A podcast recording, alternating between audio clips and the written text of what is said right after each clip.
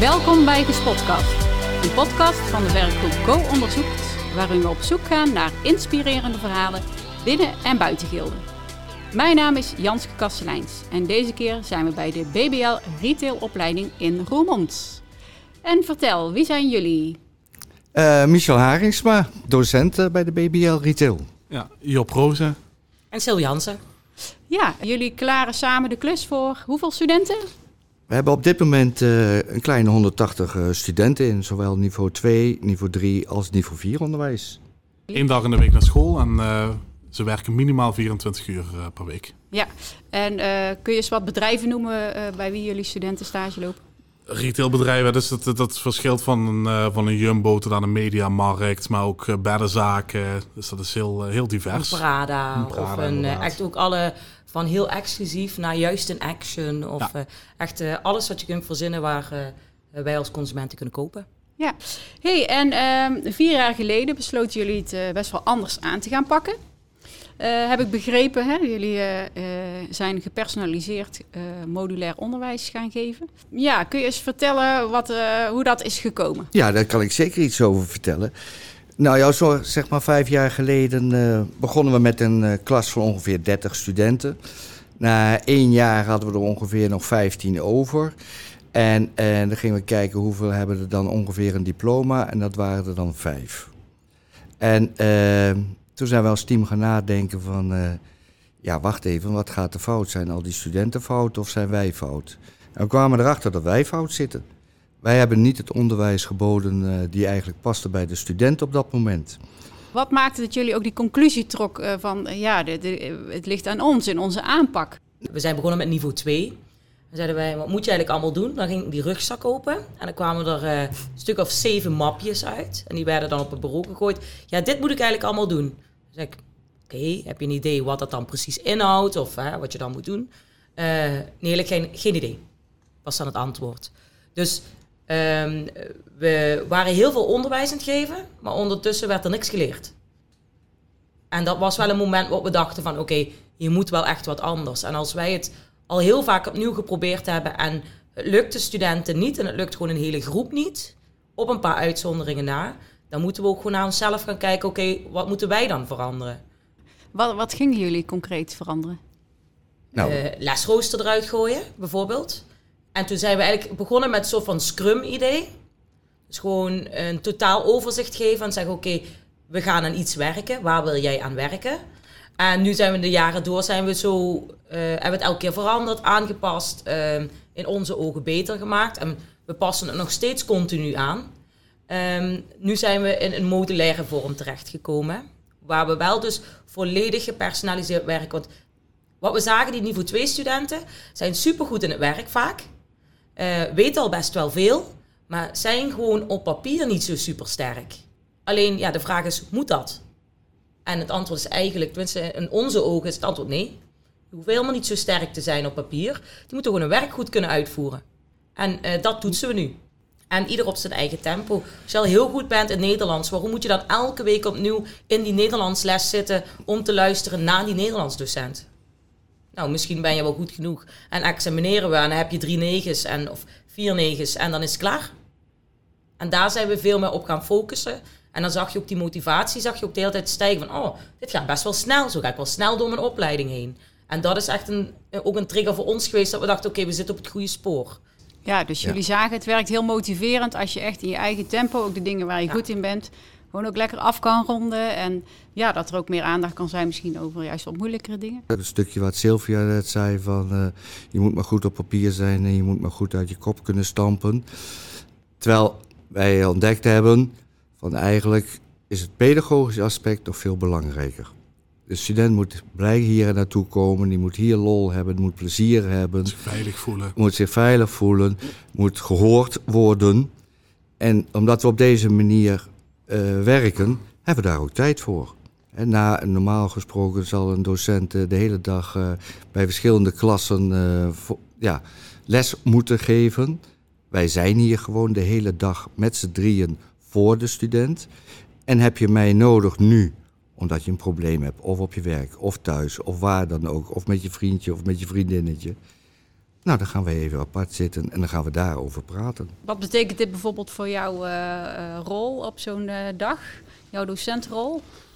Um, voornamelijk begeleiding echt. Je, bent, uh, je loopt constant rond om te kijken wat hebben ze nodig. Um, zitten ze goed in een vel? Daar begint het eigenlijk mee. Ja? Want je ziet sommigen al binnenkomen met een gezicht van het staat op onweer. Ja, dan weet je vandaag gaat er niet bij hun veel gebeuren. Dus je pakt ze dan gelijk uit, een, uh, uit de situatie om te kijken van wat is er aan de hand? Wat kunnen we je mee helpen? Zeker bij een niveau 2 zie je dat daar heel veel studenten zijn met een rugzakje.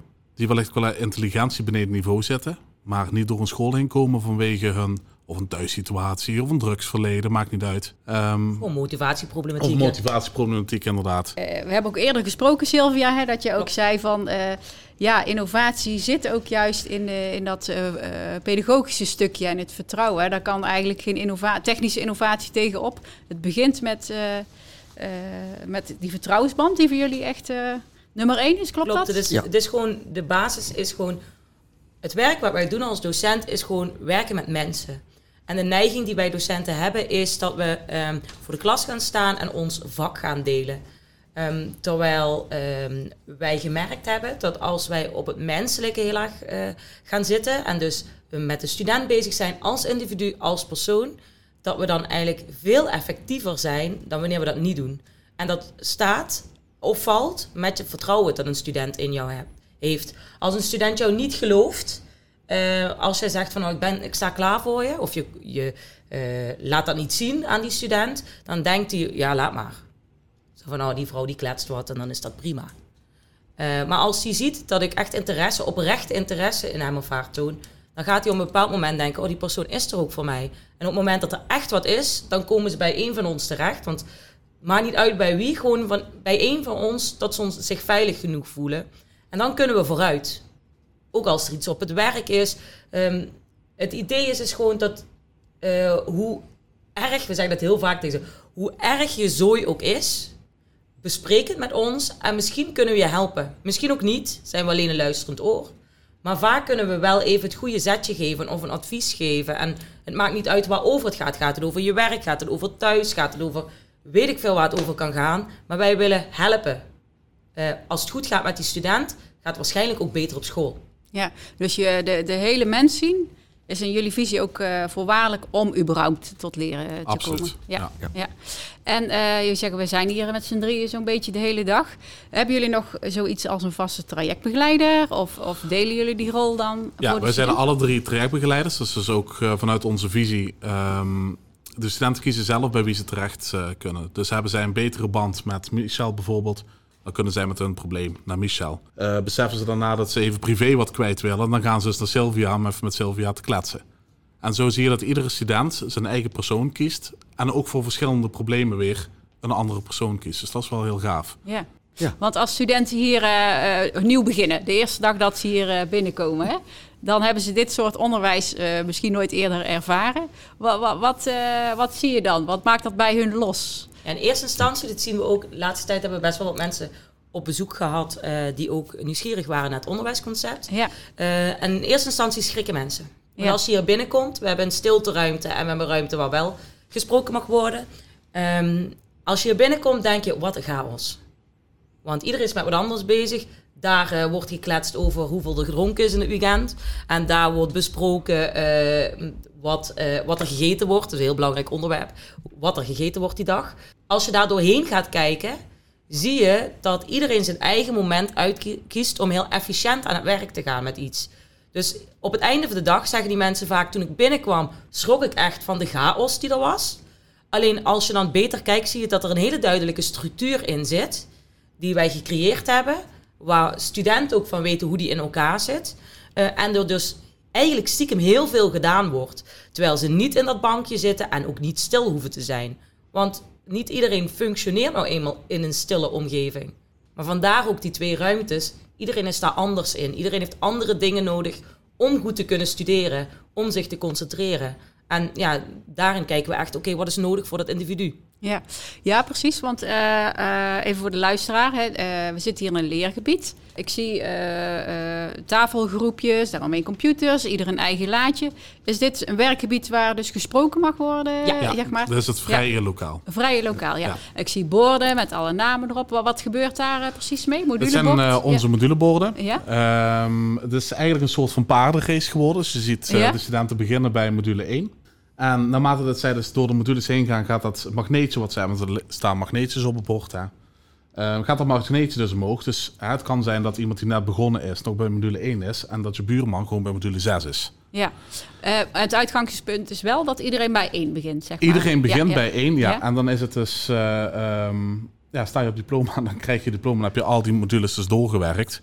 En wat je dus ziet is dat mensen die gelijk beginnen, als er eentje naar 2 gaat, dat die links van hem zich afvraagt van waarom ben ik nog bij één. Dus die willen dan ook zo snel mogelijk naar twee. En dan zie je dat de andere weer naar drie gaat. En dan zie je ze weer even krabben van, oh, nou moet ik ook weer verder.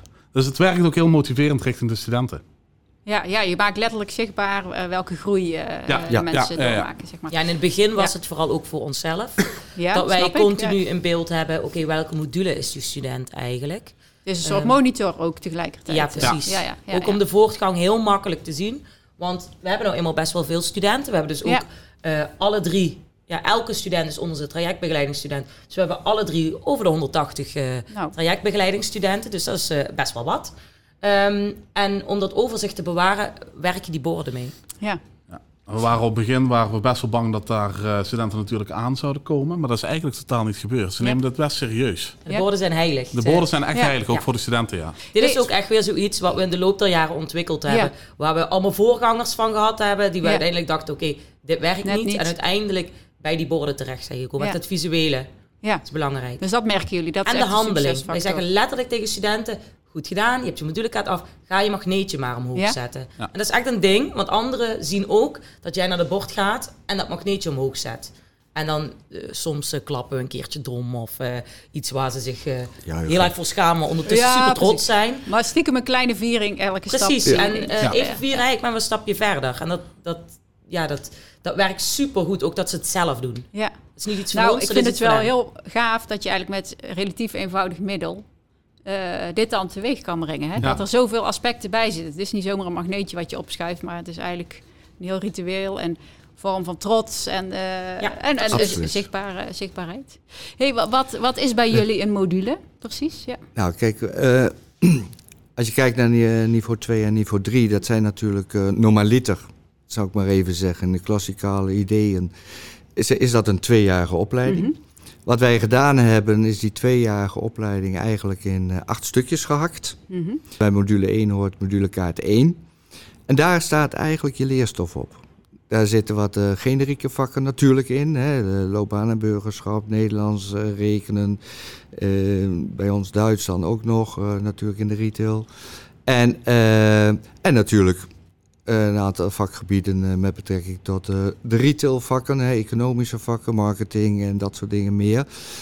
En daar staat bijvoorbeeld een aantal opdrachten op die ze op de werkvloer moeten uitvoeren. En daarmee met die modulekaart, wat elke student dan voor zichzelf heeft, gaat hij zelf aan de slag. Die dag. En op het moment dat jij vastloopt, of je snapt iets niet, of je vindt iets moeilijk. Nou, hier lopen drie docenten rond en ga je gang, vraag. En ze krijgen dus dan ook individueel de uitleg, individueel de instructie, individueel uh, bijvoorbeeld extra stoffen om iets eigen te maken. Dat gaat allemaal individueel. En uh, heb je het af, dan uh, mag je het eerst zelf afstrepen, zo van dat heb ik af. En heb je het hele vak af, dan gaat de docent kijken van, goh, hoe is dat gemaakt? heb je genoeg vorderingen gemaakt? is het goed gegaan? Ja, dan wordt dat afgetekend. En dan ga je weer verder. Heb je heel module 1 af?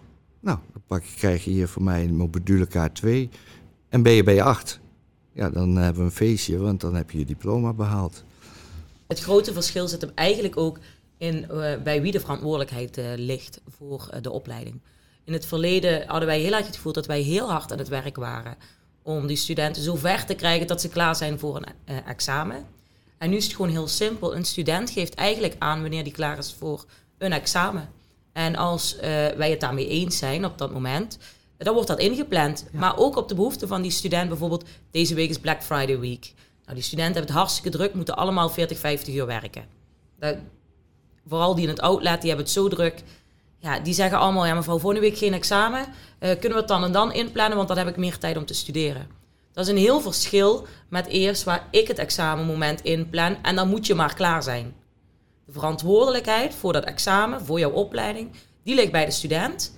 En wij ondersteunen jou met alles wat wij kunnen, met alles eh, pedagogisch, didactisch, alles. Maar die verantwoordelijkheid die ligt bij jou. Of jij snel door je opleiding heen gaat, of je langzaam door je opleiding heen gaat, dat ligt bij jou. En daardoor zien we wel dat studenten, sommigen blijven echt super lang in module 1 hangen. Want die voelen dat niet zo en het komt wel en die leunen wat achterover. die studenten kennen we allemaal. Ehm, maar als ze dan voelen van, hey, ik kom echt niet vooruit, dan gaan ze uiteindelijk zelf toch die verantwoordelijkheid nemen om iets te gaan doen. Omdat ze voelen, ik ben de enige die hier een uh, verandering in uh, kan ja, precies. aanbrengen. Ja, precies. Hey, en, um, en, en wij wachten mhm. op jou, hè? Ik bedoel, ja. uh, doe je daar drie maanden over? Ja, prima. drie maanden. Ja, ja, even goede vrienden. En dan uh, zeggen we, nou, ik kan een beetje rekenen. Als je over module 1 drie maanden doet, je moet er nog uh, zeven, dus dat is acht keer drie. Nou, dat zijn heel veel maanden onderwijs. Dan ben jij dus over drie, vier, vijf, zes jaar klaar. Ja. Prima, want dan ben je ook bij acht en heb je ook je diploma. Maar ja, ben je nog acht jaar hier. Ja. Nou, je dit zo een paar jaar doet, en ik hoor Sylvia ook al zeggen, goh, en uh, we stellen ook elke keer weer bij en we ontdekken steeds weer nieuwe dingen. Hè? Ja. Maar zo uh, de balans opmakend. Wat heeft het jullie uh, ook voor jezelf gebracht, voor je docentschap, voor je werkplezier? Dat mag Sylvia beantwoorden. Oh, dat mag ik vertellen, hoor ik net. Of wat mis je misschien? Um, wat, je, wat je, nou, ik denk... Ik geef altijd als voorbeeld, ja? als we het hierover hebben, is uh, ik ben economiedocent en ik gaf een soort van vak, dat heet verkoopcijfers, een beetje basisbedrijfseconomie. Mm -hmm. Dat gaf ik bij de BBL onder andere, nog voordat we dit uh, zo op deze manier gingen doen. En ik stond echt te werken. Echt, ik stond voor de klas. En uh, uh, dat was echt knallen. Gewoon uh, mond dicht, luisteren, dit moet je opschrijven, opdracht maken. Het was echt was intensief voor mij. En als ik dan um, aan het einde de balans opmaakte, had ik, als ik geluk had, 50% hebben voldoende. En dan had ik echt een goede klas gehad. En daar had ik dan echt een jaar lang hm. elke week met die studenten aan gewerkt. Oefenexamens, alles wat je kan verzinnen. 30.000 verschillende werkvormen. alles uit de kast getrokken. um, en toen gingen we dat doen. En toen zei ik, ja luister, dit kan met alles, maar niet met mijn vak. Dat, is, dat gaat niet. Dan moet je gewoon dat directieve, dat, uh, die, die lesgeefstijl, die heb je gewoon nodig. Kan niet anders. Nou, Michel die loopt al wel langer in het onderwijs rond. En die zei, weet je, misschien moet je het gewoon proberen. En moet je dat gewoon loslaten, hoe jij dat nu ziet. En gewoon eens proberen. En dan kijken we daarna wel of het wel of niet lukt. En toen gingen we dat doen. En um, kom eigenlijk tot de conclusie dat studenten eigenlijk um, veel meer zelfstandig kunnen dan dat wij denken. Ik heb echt studenten die uh, dat vak bijna volledig, met ons lesmateriaal natuurlijk, zich dat vak eigen maken. Die hebben mij niet nodig die voor de klas staat en die heel erg haar best staat te doen en heel intensief staat te doen. Zij hebben gewoon op bepaalde momenten het juiste setje in de richting nodig. Dus vaak moet ik vijf of tien minuutjes even bijsturen als ze met het vak bezig zijn. En dan kunnen ze dat prima zelf. Dus wat levert het op? Uh, voor mij um, dat ik minder hard hoef te werken stiekem. In ieder geval in dat... Denk je? Nee, ja, nou, je werkt verschil... anders hard. Ja, dat. Want planmatig is het bij ons heel ingewikkeld op dit moment. Mm. Want je hebt er dus eentje die aan een examen bezig is. De andere moet beneden naar de CITO. Dus je werk, je werk is anders verdeeld nu. Ja, maar ik hoef niet meer voor die klas te staan en daar heel erg me staan uitsloven, om het maar zo te noemen. Uh, om het resultaat te behalen wat ik wilde, wat het beste is voor die studenten. We zien nu gewoon nauwelijks nog meer onvoldoendes voor het vak. Je hebt de basis gelegd eigenlijk bij de student om te kunnen leren. En eerder was het vak het uitgangspunt. En uh, ja, had je dat netjes in tien weken of een heel jaar, keurig netjes in periodes. En uh, je leerboeken naast je en uh, dat moest en weet ik wat voor werkvorm allemaal. Uh, dan was je vak het uitgangspunt. En nu is gewoon de student het uitgangspunt. Je hebt de basis gelegd, je hebt een voedingsbodem waarop ze kunnen leren. En dan zie je ook dat ze leren. Iedereen. Ja, nu heeft iedereen een diploma. In die zin ook meer studenten, meer diploma's, meer motivatie. Een andere invulling van je vak, maar zeker zoveel werkplezier. ja, veel meer werkplezier. Veel meer, werkplezier, ja. ja, absoluut. Maar het levert zoveel op dat je ziet dat mensen die eerst heel erg vastliepen en die zeggen van ik ben nooit met plezier naar school gegaan, die nu zeggen oh ja, dit is hier best wel oké. Ja. Nou, is toch geweldig. Ja, dat werkt ook op ons. Ik ga echt met zoveel plezier naar mijn werk. Dus ja, zo blij dat, met, zal met ook hoe we het hier nu de wisselwerking zijn, inderdaad. Ja, absoluut. De, de sfeer die er dan hangt. En de... hey, met deze ervaringen op zak. Als we een beetje naar een, uh, een beetje samenpakken, dit gesprek. Wat, wat, zouden jullie je collega's of andere uh, mensen op een school of, mee willen geven uit de lessen die jullie geleerd hebben de afgelopen jaren? Het allerbelangrijkste is als je denkt als team of als docent dat het anders moet, doe het. Ja. ja. durven te doen. Durven te doen. Ja, maar de kern zit bij hoe helpen wij die student vooruit in zijn of haar leven. Nou, het is ontzettend mooi om te proeven ook hier hoe jullie dat samen voor elkaar gebokst hebben. En ook dat samen, hoe jullie dat uh, delen, die visie uh, daarin. Uh, we gaan toe naar de afronding van de podcast. En dat doen we heel volgens traditie met een vraag.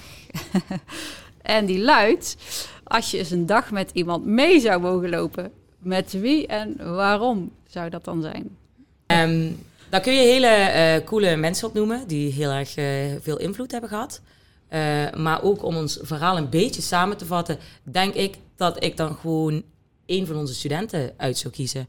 Want dat zijn gewoon hele leuke mensen. Allemaal individueel uh, zijn dat gewoon leuke mensen die een boel dingen meemaken. En uh, ik zeg let's go, dagje gezellig meelopen en op het werk kijken en thuis kijken en gewoon daarvan leren. Ik denk dat dat mijn keuze is. Nou, dit was mijn Mooi. correcte antwoord. Nu jullie. Ja, ik sluit me daar eigenlijk wel bij aan. nee, maar ik sluit me daar ook wel bij aan. Ook bij, ik zou heel graag mee willen lopen met uh, um, de werkgevers in het outlet. Ja, dus kijken hoe dat zij omgaan met de studenten, hoe de begeleiding daar is. Ik denk dat, het, uh, dat daar ook veel winstmomenten ja. te pakken zijn. Ja. Uh, en Michel, je, de uitsmijter. De uitsmijter. Ik had Barack Obama en dat was uh, omdat uh, dat iemand met een visie is en vanuit de menselijkheid denkt. En ik denk ja, dat wij dat ook in ons onderwijs nu hier doen. En ja, dat was het eigenlijk gewoon. Klaar. Duidelijk, klaar. Zover ons gesprek bij BBL Retail in Roermond. Nieuwsgierig naar meer? Graag tot een volgende gespotcast.